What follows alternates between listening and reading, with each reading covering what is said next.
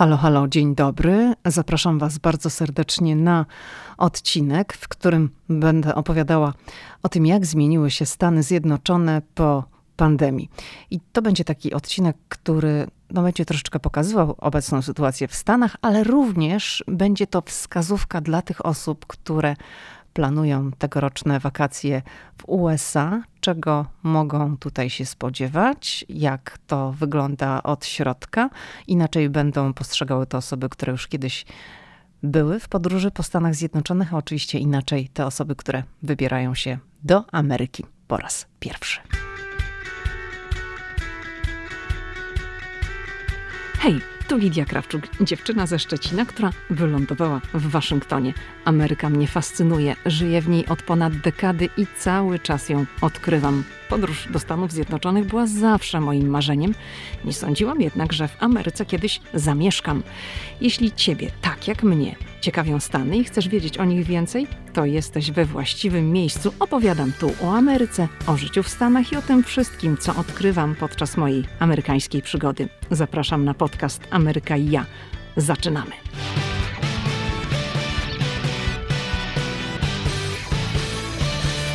Dobrze, to, to zaczynamy. I pierwsza zasadnicza rzecz to są ceny. Ceny, które się zmieniły i oczywiście wszystko poszło w górę, wszystko jest droższe i to nie jest rzecz jasna tylko kwestia dotycząca Stanów Zjednoczonych, ale no myślę, że całego świata. Na pewno Polski, to, to wiemy z całą stuprocentową pewnością. Podrożało jedzenie, podrożały ubrania, atrakcje turystyczne, podróże. Jeżeli ktoś z Was podróżował do Stanów Zjednoczonych wcześniej i kupował bilety lotnicze wcześniej, a kupuje je teraz, no to widzi, jaka jest różnica, jakie są inne stawki. Także tego należy się spodziewać. Inflacja w Stanach Zjednoczonych wynosi w tej chwili 8,3% i jest najwyższa od 40 lat. Ja nie przypominam sobie osobiście, żeby żywność była tak droga, odkąd jestem w Stanach Zjednoczonych, a jestem od 2009 roku, czyli przybyłam w momencie kryzysu. Tak? W 2008 roku mamy początek kryzysu wielkiego gospodarczego. No i 2009 rok, to ten kryzys ciągle się utrzymywał, ale jednak nie było aż tak drogo jak w tej chwili ceny poszły w górę wszędzie, i tutaj chciałabym Wam dać taki przykład na pierwszy rzut oka może to będzie troszeczkę taki przykład wydumany, ale chciałabym Wam opowiedzieć o tym, jak bardzo zdrożały wycieczki do parków rozrywki Disneya. Dlaczego chcę podać przykład akurat tego parku? Dlatego, że wakacje w Disney World były zawsze w Ameryce taką tradycją dla amerykańskich rodzin, dla rodzin klasy średniej, że na taką wycieczkę rodziny jechały. I to nie raz w ciągu całego swego życia, a wiele, wiele razy. I oczywiście mówimy tutaj o takim wyjeździe albo do parku Disneya w Kalifornii, albo na Florydzie. I w tym momencie, kiedy właśnie ta inflacja sięga takiego poziomu, który jest najwyższy od 40 lat, to Disney otworzył no dosyć niedawno, tam kilka miesięcy temu, taką nową atrakcję. To się nazywa Star Wars Experience, czyli taki cały park dedykowany wszystkiemu, co jest związane z Gwiezdnymi Wojnami. To jest taki pobyt na dwie noce, tam się jedzie. Kupuje się taki pakiet, gdzie, gdzie zawarte są dwa noclegi. To jest bardzo dużo takich interaktywnych, powiedziałabym, zajęć, wydarzeń, no takie interaktywne doświadczenie. I żeby kupić taki pakiet dla trzyosobowej rodziny, no czyli zakładamy rodzice plus dziecko, to to się zaczyna ten pakiet od 5300 dolarów. No to to jest bardzo bardzo dużo. W lutym Disney podniósł ceny i w tej chwili taka najtańsza wersja chce się kupić taki pakiet czterodniowy, żeby wejść do, do parków Disneya na cztery dni, do tych różnych parków tematycznych. To jest od osoby 434 dolary. Także to jest naprawdę bardzo dużo i nawet tutaj amerykańskie media niektóre no, pozwalały sobie na takie kąśliwe bardzo komentarze, nazywając Disney World najdroższym miejscem na świecie, bo były podawane również takie przykłady, że dla czteroosobowej rodziny, jeżeli chce zostać na pięć dni i mieć takie wakacje w pakiecie Disneya, czyli ich, ich hotel, ich te wszystkie rozrywki, to to wychodzi ponad 8 tysięcy dolarów.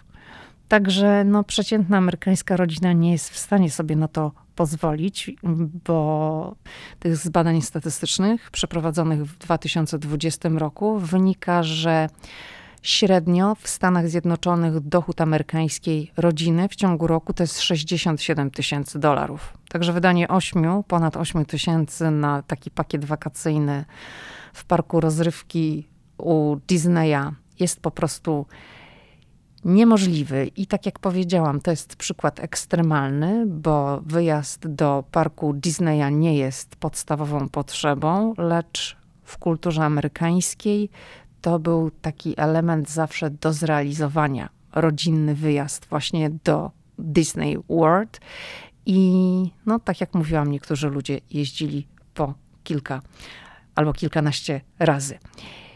Także jeżeli ktoś z Was będzie się wybierał na wakacje do Stanów albo już rezerwował, to z pewnością widzi, że te stawki są wysokie i na miejscu też nie należy spodziewać się, że będzie tanio. Stany nigdy nie były jakoś super tanie. No, mm, czasami dolar, kurs dolara dla, dla Polaków był korzystny, teraz jest zdecydowanie niekorzystny, bo to jest powyżej 4 zł, 4,4 nawet z tego, co się orientuję. Także to w ogóle się nie opłaca. Ale no jeżeli już ktoś będzie się wybierał, no to wiadomo, będzie, będzie bolało, bo będzie o wiele drożej niż rok temu, dwa lata temu. Rzecz jasna, więcej też mówię do tych osób, które się wybierają, więcej zapłacicie za wypożyczenie samochodu, więcej zapłacicie za noclegi, za paliwo, za jedzenie w sklepach, za jedzenie w restauracjach. I Tutaj chcę na chwilę zatrzymać się przy jedzeniu, bo ono rzeczywiście ceny jedzenia znacznie wzrosły w Stanach Zjednoczonych. Jest o wiele, wiele drożej. Ale jest też jeszcze jedna rzecz przy tej okazji. Zakupy online. I w czasie pandemii w Stanach Zjednoczonych, tak jak wszędzie, dramatycznie, może to nie jest dobre słowo, drastycznie, o właśnie drastycznie wzrosła ilość konsumentów, którzy zaczęli kupować online i również zmienił się sposób, w jaki Amerykanie dokonują zakupu takich podstawowych rzeczy, zakupów spożywczych, chemii, tego wszystkiego, co jest potrzebne w codziennym funkcjonowaniu. Pandemia zmieniła to, że Amerykanie, nawet jeżeli ona się skończyła już, powiedzmy, jesteśmy w tym popandemicznym okresie, Amerykanie przyzwyczaili się do robienia zakupów spożywczych, takich podstawowych zakupów przez internet chętniej sięgają po telefon, e, robią to za pomocą laptopa i żeby zakupy zostały dostarczone do domu, albo one są już przygotowane w sklepie, jedzie się do sklepu tylko po to, żeby odebrać torbę i nie traci się czasu na wkładanie poszczególnych rzeczy do koszyka, to już jest wszystko gotowe. Torba jest tylko do odebrania, bo jest zapłacone. I wiele osób nadal w ten sposób robi zakupy, nie chce tracić czasu na krążenie gdzieś tam między półkami. I Tutaj skupiałam się na tym wątku dotyczącym zakupów spożywczych, ale ogólnie wszelkie zakupy przez internet, no to w pandemii ta, ten sposób zamawiania eksplodował, no bo wszyscy woleliśmy zamawiać tak, niż chodzić po sklepach. Zresztą wiele sklepów, wiele marketów, mówię tutaj o Stanach, było po prostu zamkniętych. I z tych danych statystycznych wynika, że pomiędzy marcem 2020, czyli tutaj mamy początek pandemii, do lutego 2022, czyli obecnego roku, konsumenci w Stanach Zjednoczonych wydali 1,7 biliona dolarów. Mówimy tutaj o zakupach online i to jest 609 miliardów dolarów więcej niż wydali w 2018 i w 2019 roku. I ten trend zakupów online oczywiście będzie się utrzymywał sklepy online będą rozkwitały. Zresztą teraz, jeżeli chodzicie gdzieś po swoich miastach, myślę, że to się również zaczyna widzieć nie tylko w Ameryce. Ja za, zaczęłam bardzo zwracać na to uwagę, że jeżeli przyglądam się temu, co w tej chwili mieści się na poziomie parteru, jak się na przykład spaceruje uliczkami gdzieś tam w mieście, w centrum, no to sklepów jest mniej, więcej jest punktów usługowych, więcej jest restauracji, banków, jakichś salonów telefonii komórkowej, tego typu rzeczy, niż butików i takich małych sklepików. No to wszystko się przenosi do internetu, takie rzeczy znikają. Centra handlowe coraz gorzej sobie radzą. Zaczęliśmy inaczej kupować. Dobrze, kolejna rzecz. Maski. Maski nie zniknęły całkowicie z amerykańskiej rzeczywistości. Oczywiście to już mówiłam kiedyś i powtórzę, że nawet w czasie pandemii były takie stany, które były kompletnie zamaskowane, że tak powiem. Nowy Jork, Waszyngton, tutaj te rejony. Oczywiście wszyscy nosili maski, tak. Na Florydzie to już była zupełnie wolna Amerykanka. Część osób nosiła maski, ale wiele w ogóle nie. No dalej są, były są i będą osoby, które negowały noszenie masek. W tej chwili w Stanach maski są zalecane przez CDC w momencie, kiedy są większe skupiska ludzi. Nie ma obowiązku noszenia masek, ale w niektórych miejscach się je ciągle zaleca i ciągle można zobaczyć ludzi, którzy noszą maski w Stanach, zwłaszcza gdzieś tam w sklepach albo w pomieszczeniach, w takich miejscach, gdzie jest zawsze więcej osób. Na zewnątrz może zdarza się, ale właśnie gdzieś, gdzie jest więcej ludzi, ale tak, żeby ktoś gdzieś na jakiś spacer szedł w masce, no to już raczej ja takich osób nie widuję. Kolejna rzecz to, to, to są kwestie szczepień. No wiadomo, że cały czas, jeżeli chce się przyjechać do Stanów Zjednoczonych, to trzeba być zaszczepionym, trzeba mieć zrobiony test przed wyjazdem. Oczywiście mówimy tutaj cały czas o tej sytuacji w dniu, w którym ja nagrywam podcast. Będziecie go słuchać zaraz na początku czerwca. Później, jeżeli ktoś będzie odsłuchiwał później ten odcinek, może się to zmienić, ale do Stanów cały czas, żeby przyjechać, trzeba mieć, szczepio- trzeba mieć dowód, że się jest zaszczepionym i zrobić test. I muszę powiedzieć, że w Stanach Zjednoczonych wiele imprez w wielu miejscach, jednak tam, gdzie jest większa grupa ludzi, wymagany jest dowód szczepienia. Czasem wymagane są również testy, i, i takim przykładem mm, była gala, o której opowiadaliśmy razem z Pawłem, czyli White House Correspondents' Dinner, kolacja, doroczna kolacja korespondentów Białego Domu z udziałem prezydenta Stanów Zjednoczonych. I tam, tak jak wspominaliśmy, należało przedstawić dowód pełnego zaszczepienia, plus w dniu imprezy zrobić test. I do tego była potrzebna specjalna aplikacja. I to jest właśnie ta rzecz, która również zmieniła się w Stanach w czasie pandemii, że no, musimy nosić przy sobie czasem dowody, które potwierdzają, że jesteśmy zaszczepieni i zakładać dodatkowe aplikacje, instalować dodatkowe aplikacje w naszych telefonach. Tutaj właśnie trzeba było założyć taką aplikację, która nazywa się Bindle.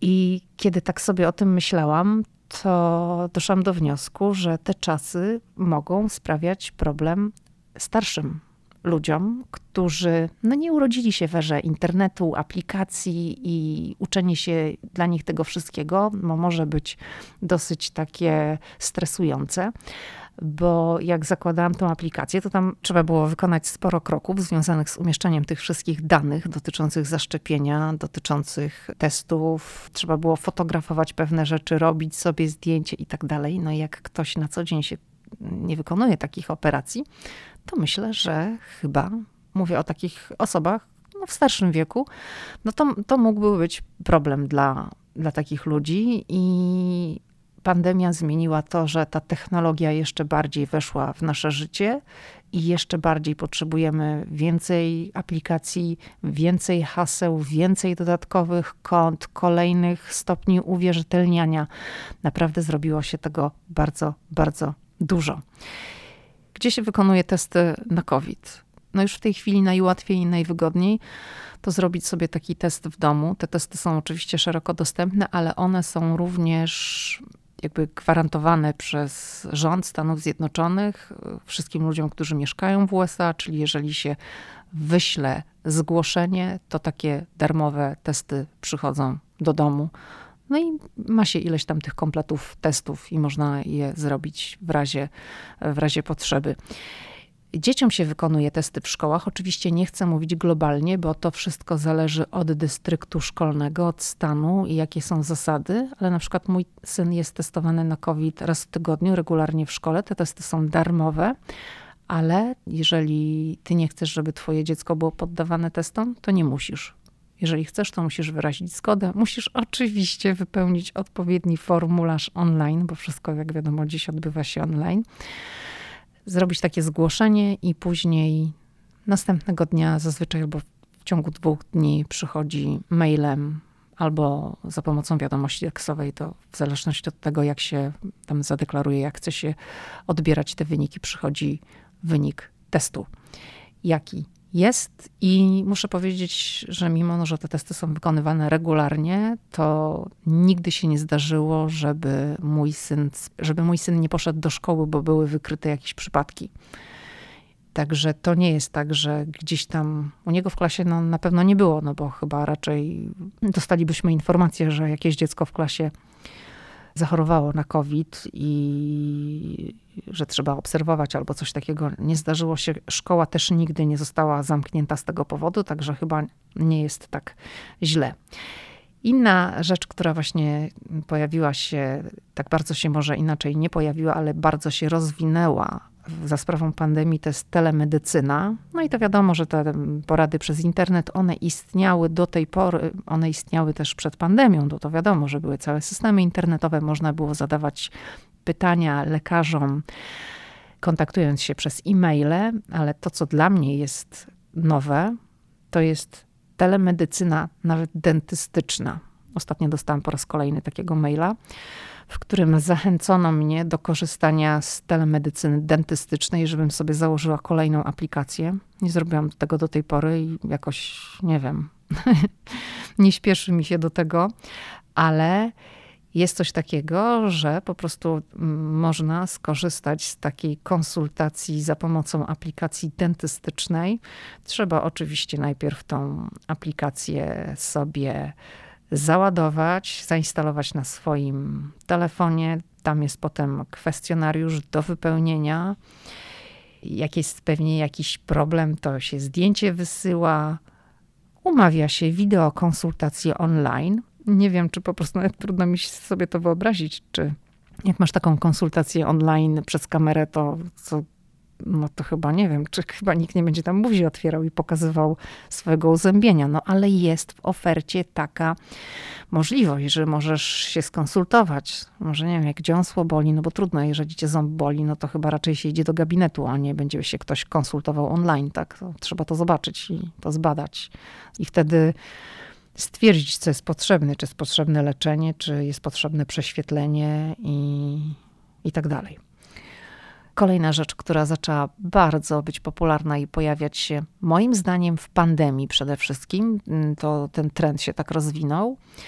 Jak już oczywiście restauracje zaczęły być znowu otwarte, bo tutaj w Waszyngtonie przez ileś miesięcy w ogóle te biznesy były zamknięte. Ale jak już zostało dopuszczone, że jakiś procent ludzi może przebywać w restauracji, to nie było takiego tradycyjnego papierowego menu, tylko zaczęto przyklejać na stołach kody QR. No i każdy oczywiście znowu musiał sobie skanować swoim własnym telefonem menu i tam sobie wybierać. Już w wielu restauracjach jest tak, że już w telefonie dokonujesz całej tej transakcji, zamawiasz sobie, płacisz no i potem obsługa, kelner przynosi twoje zamówienie. Także to jest też bardzo duża zmiana i tak sobie nawet myślałam o tym w kontekście turystycznym, takich osób, które przyjeżdżają spoza Stanów Zjednoczonych do Ameryki. No to już, jeżeli nie ma takiego darmowego Wi-Fi, że odbierasz sobie od razu telefon i możesz się podłączyć do sieci, tylko musisz jakieś hasło wpisywać, no to to już znowu jakieś kolejne problemy tworzy, że trzeba o to hasło poprosić. Nie wszystkie zresztą restauracje mają darmowe Wi-Fi, prawda? Także trzeba mieć swój telefon. No zakładam, że już w tej chwili to jest również takie menu papierowe, jak ktoś powie, że nie ma telefonu. No, ale bardzo często jest tak, że na pierwszy ogień idzie właśnie taka wersja, żeby się zapoznać z menu za pomocą swojego własnego telefonu. Okay, dobrze. To kolejna rzecz to jest praca zdalna. Praca zdalna i podróże. Otóż w listopadzie 2020 roku New York Times zorganizował takie wydarzenie, takie spotkanie. Oczywiście ono było online i w tym spotkaniu uczestniczył Bill Gates. I Bill Gates wtedy, przypominam, mamy listopad 2020 roku, powiedział, że on przewiduje, że ponad 50% podróży służbowych zostanie zredukowanych, nawet jak się skończy pandemia. Że to już nie będzie miało sensu, że ludzie będą podróżować w tą i z powrotem po różnych stanach, w Ameryce na przykład jakieś podróże biznesowe. Firmy zainwestowały bardzo dużo pieniędzy i środków w różne rozwiązania technologiczne, żeby móc organizować wideokonferencje. Zresztą wtedy, jak był ten event, jak było to wydarzenie, spotkanie z udziałem Billa Gatesa, to on też pojawił się na nim wirtualnie, wykorzystując oczywiście łącze internetowe, ale nie był tam osobiście. No i powiedział, że to po prostu się zmieni, że firmy już nie będą wysyłały ludzi w podróże służbowe, bo wiele rzeczy będzie można załatwić za pomocą połączenia wideo i nie ma sensu wydawać pieniędzy na podróże osobiste. I okazuje się, że Gates miał rację, bo te liczby tak mniej więcej się w tej chwili zgadzają. Firmy po prostu zaczęły korzystać z tych wszystkich rozwiązań, jakie daje technologia. Mówiłam, że Gates powiedział to w listopadzie 2020. Potem pół roku później, czyli mamy, mówimy tutaj o maju 2021, czyli rok temu, podobne zdanie wyraził Brian Czeski, czyli współzałożyciel Airbnb, prezes tej firmy. On powiedział dokładnie to samo, że takie tradycyjne podróżowanie biznesowe już nie wróci. I on się podzielił wówczas też bardzo takim ciekawym spostrzeżeniem. W ogóle okazało się, że rok 2021 dla Airbnb był najlepszym rokiem w historii.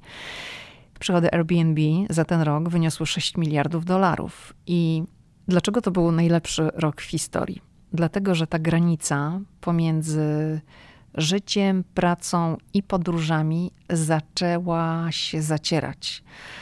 I ludzie zaczęli bukować wyjazdy przez Airbnb na o wiele dłuższe okresy niż wcześniej. Dlaczego? Bo na przykład zaczęli wynajmować domy na wiele tygodni, miesięcy, czasem na całe sezony i pracować zdalnie z bardzo różnych lokalizacji. Wyszukiwali sobie atrakcyjne po prostu dla nich miejsca, takie, które odpowiadały im do życia, do pracy, do odpoczynku i decydowali się na wynajmowanie właśnie domów w takich różnych lokalizacjach. I dzięki temu właśnie to, że ta zmiana nastąpiła, że ludzie mogli pracować zdalnie i nadal mogą pracować zdalnie, bo o tym będę mówiła, Airbnb odnotowało taki właśnie bardzo dobry rok i no to też jest ta wielka zmiana w tym sposobie, w jaki w Ameryce zaczęło się pracować.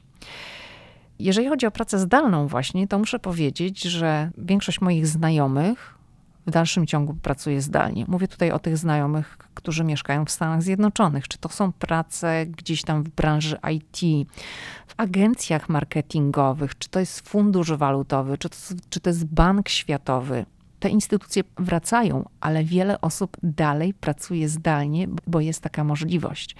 Jest elastycznie, pracodawcy dają taką możliwość, ale też w niektórych przypadkach niektórzy po prostu usłyszeli, że w ogóle nie wrócą do biur. No mam znajomego, który musi chodzić, jest w branży IT dwa razy w tygodniu do swojego biura, ale inny, który też jest w branży IT, w ogóle nie chodzi. Wszystko jest zdalnie. Pracuje tylko i wyłącznie z domu. I to jest właśnie ta wielka zmiana. Różnie ludzie na to reagują. Niektórym to bardzo odpowiada, niektórym niekoniecznie. No jeżeli śledzicie newsy, śledzicie informacje, no to wiecie, że na przykład w Twitterze tam jest wielkie larum, bo Elon Musk, nie wiadomo w końcu, czy on kupi te firmy, czy nie kupi, ale on zapowiedział, że wszyscy będą musieli wrócić do biur, bo do tej pory można tam pracować zdalnie, a Elon Musk stoi na stanowisku, że ci, którzy pracują zdalnie, są mniej produktywni niż ci, którzy pracują normalnie w biurze, muszą przychodzić do pracy i wykonywać swoje obowiązki na miejscu. Dobrze, w czasie pandemii 23 miliony gospodarstw domowych w Stanach Zjednoczonych adoptowało jakieś zwierzę, no, kota czy psa. No, najczęściej albo to był kot, albo pies. I teraz ci ludzie, którzy wracają do pracy, część amerykańskich firm pozwala osobom powracającym do biur przychodzić do pracy ze swoimi psami. Mówię, najczęściej są to psy, no bo koty to większość kotów, takie są moje doświadczenie, niechętnie opuszcza dom. Także raczej tutaj mówimy o tym, o zabieraniu do, do pracy psa. I były takie niedawno w Stanach zrobione badania. To przeprowadził je Banfield Pet Hospital i 57% właścicieli psów, którzy uczestniczyli w tej ankiecie, stwierdziło, że właśnie najlepiej czują się tacy najszczęśliwsi, najbardziej zadowoleni właśnie do takiego miejsca pracy, które jest przyjazne zwierzętom. I również dyrektorzy wielu amerykańskich przedsiębiorstw, to była połowa z tych 500 ankietowanych dyrektorów, powiedziała, że, że planuje wpuścić zwierzęta do biur i wiele takich firm technologicznych, mówimy tutaj o Google, Amazon, Uber, te firmy też e, zezwalają na, na przyprowadzanie psów do biur, nawet jeżeli to są elastyczne zasady. Czemu? No w Ameryce pracuje się od rana do nocy i w takich mówimy o pracy w korporacjach i jeżeli ktoś spędza cały dzień w pracy, a w międzyczasie, właśnie w czasie pandemii, postanowił zaadoptować psa, jakieś zwierzę, no to robi się problem, co, co z nim zrobić. Pracodawcy chcą, żeby ludzie dalej pracowali, tak? No to pozwalają im przyprowadzać psy do, do pracy. I ten temat oczywiście budzi bardzo skrajne reakcje, bo nie wszyscy są zadowoleni z tego powodu. Nie każdy chce pracować w otoczeniu psów, które no wiadomo, niektóre są takie, że tam się położy i będzie spał i leżał, ale niektóre no, mają inny temperament. Czasami coś się rozprasza, więc warczą, szczekają i innym to po prostu przeszkadza. Taką firmą w Stanach Zjednoczonych, jedną z taką najbardziej dog-friendly firm w Stanach Zjednoczonych jest Amazon. I w siedzibie w Seattle pracuje około 50 tysięcy osób i tam jest zarejestrowanych 7 tysięcy psów. To nie znaczy, że 7 tysięcy psów pojawia się codziennie w pracy na terenie mm, tego wielkiego kompleksu, jaki zajmuje Amazon, ale tyle osób jakby zadeklarowało, że, mm, że ma psa, zarejestrowało, że ma psa i że czasem mogłoby przyjść z nim do pracy, ale kilkaset psów każdego dnia tam się pojawia. Dobrze. Jeszcze jedna rzecz, o której chciałam powiedzieć, która też właśnie jak z Pawłem sobie oglądamy telewizję, to nas uderzyła i zwracamy na to uwagę. To już może takie trochę też powiedziałabym skrzywienie zawodowe, że się obserwuje różne takie rzeczy związane z branżą, ale to jest to, co zaczęło być akceptowalne i w radiu, i w telewizji, czyli jakość dźwięku i obrazu. Przed pandemią, jeżeli zwracaliście w ogóle na to kiedykolwiek uwagę, ale przed pandemią, jeżeli pojawiał się gość w studiu albo było łączenie z gościem, to ci goście szli do jakiegoś studia telewizji. Czyli jeżeli prowadzący był, załóżmy, w Waszyngtonie, a gość był w Atlancie, w Georgii, czy w Nowym Jorku, czy w Los Angeles, to on był w studiu telewizyjnym w tym mieście, czyli musiał pójść do studia telewizyjnego, tam był przygotowany i było, była z nim rozmowa. W tej chwili akceptowalne są przekazy właśnie za pomocą tych wszystkich internetowych rozwiązań. Już nie jest potrzebne studio. Cały czas widzimy, że w tej chwili pojawiło się też o wiele więcej gości, różnych ekspertów, którzy po prostu udzielają takich wywiadów, tych eksperckich komentarzy z własnych domów. I w tle widać kominki, regały z książkami. No, z książkami zawsze najlepiej wygląda, tak intelektualnie bardzo, tak? Ale czasem gdzieś widać jakiś korytarz, kawałek łóżka nawet, no bo ludzie w różnych warunkach mają te swoje Powiedzmy, jeżeli ktoś się tak dosyć mocno udziela w mediach, to ma już profesjonalnie zrobiony taki kąt, to widać, że tam jest przygotowane oświetlenie, że kamera jest y, odpowiednio ustawiona, twarz jest dobrze doświetlona. Jak ktoś robi to sporadycznie, to od razu ta jakość jest gorsza, ale to jest w tej chwili akceptowalne w telewizjach. Tak samo w radiu też ten dźwięk czasami nie jest takiej super jakości jak przed pandemią, bo to też zosta- zaczęło być akceptowalne. Wcześniej, no niekoniecznie, jeżeli pojawiały się jakieś takie przekazy nie z profesjonalnego studia, to już były takie wyjątkowe sytuacje, ale tak, tak to nie. Chciałabym jeszcze nawiązać do jednej rzeczy związanej z technologią, do technologii wykorzystywanej w szkole. My to bardzo odczuliśmy w domu. Kiedy pandemia się zaczęła w 2020 roku, to nasz syn był wtedy w pierwszej klasie, czyli marzec, no tą y, druga połowa marca lekcje zaczęły się online i już do szkoły nie wrócił.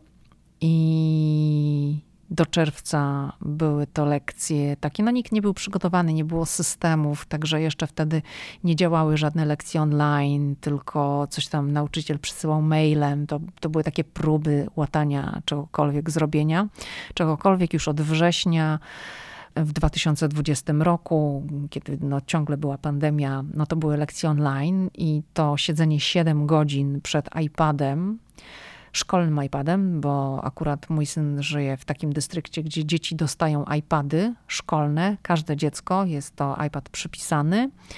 I to w wielu dystryktach szkolnych w Stanach Zjednoczonych takie iPady są. Nie wszędzie, ale w wielu są. Także on spędzał no codziennie, no musiał się zalogować, włączyć kamerę i, i siedzieć przed tą kamerą i, i, odbywać te lekcje. I to, był, to było straszne. To, to dla takich dzieci w tym wieku to siedzenie tyle godzin przed iPadem i e, uczestniczenie w lekcjach w taki sposób jest dosyć ciężkie. Jedne sobie z tym radzą lepiej, inne gorzej.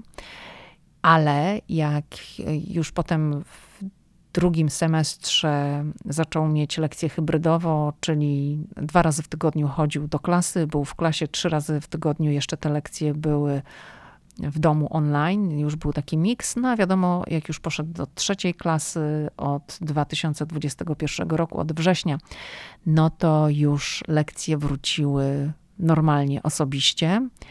I dalej miał oczywiście iPada. Mi jako rodzicowi, powiem szczerze, było bardzo ciężko i nadal jest bardzo ciężko w ogóle zrozumieć do końca, co jest na lekcjach. Dlatego, że dzieci nie mają też podkreślam, mm, to wszystko zależy od dystryktu szkolnego, ale nie ma takiego zeszytu, że on przyjdzie i przyniesie mi swoje zeszyty z matematyki, z angielskiego, z hiszpańskiego i tam z czegoś jeszcze innego, z innego przedmiotu i ja przejrzę i zobaczę, co oni mają w zeszytach. W tej chwili dzieci w dużej mierze i mówię o jego dystrykcie szkolnym, tak podkreślam, bo w różnych szkołach w Ameryce może być różnie, ale on przede wszystkim bardzo dużo pracuje w aplikacjach i jak zrobi tą swoją aplikację, wykona zadanie wysłane, to to już jest zaliczone i to nie jest tak jak kiedyś, że była książka, ty bierzesz sobie książkę i mówisz, o tutaj mają dodawanie, tu odejmowanie albo mnożenie, dzielenie, cokolwiek. Jak zapytasz, ci powie, no to ci powie.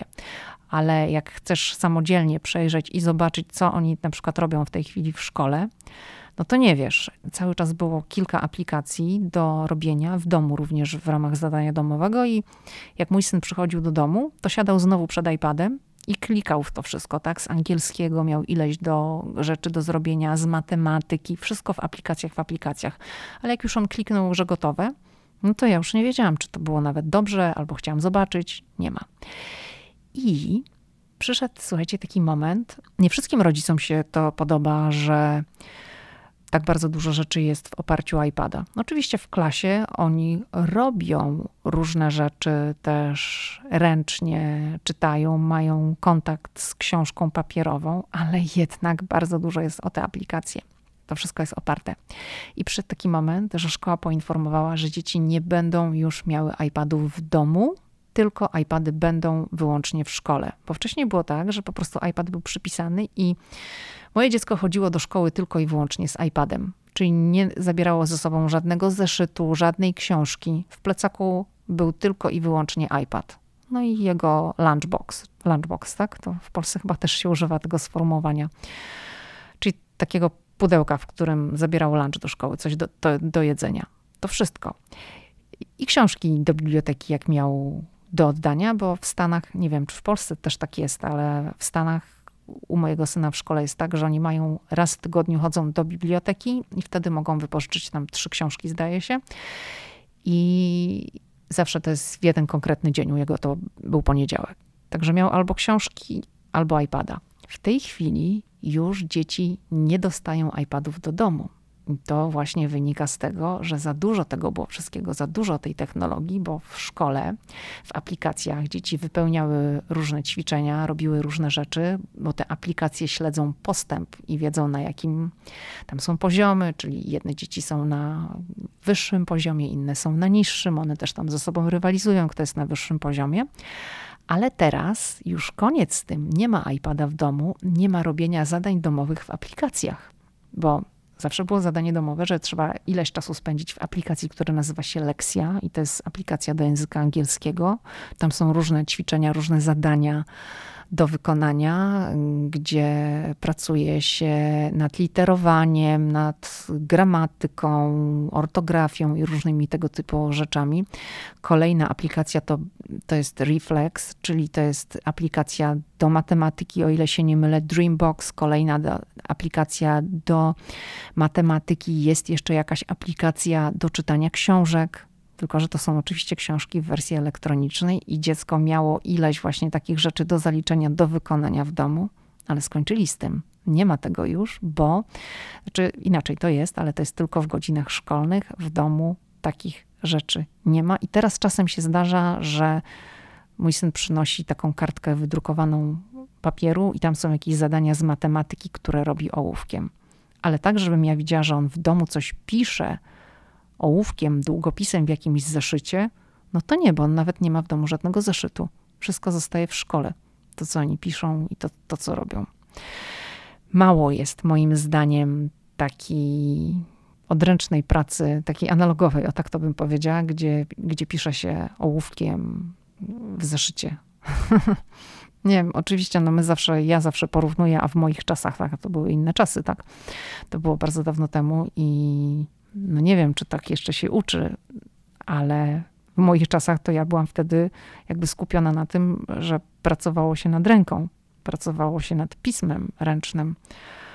A teraz, to tak jak widzę to, co robi mój syn, to no bardzo mało jest takiej pracy i nie wiem, czy to w ogóle zmierza do tego, żeby dzieci nie pisały za dużo ręcznie, bo i tak teraz wszystko się będzie działo automatycznie i uważam, że ten czas pandemiczny do tego w dużej mierze się przyczynił, bo, bo postawiono na naukę w aplikacjach, na rozwiązywanie zadań online.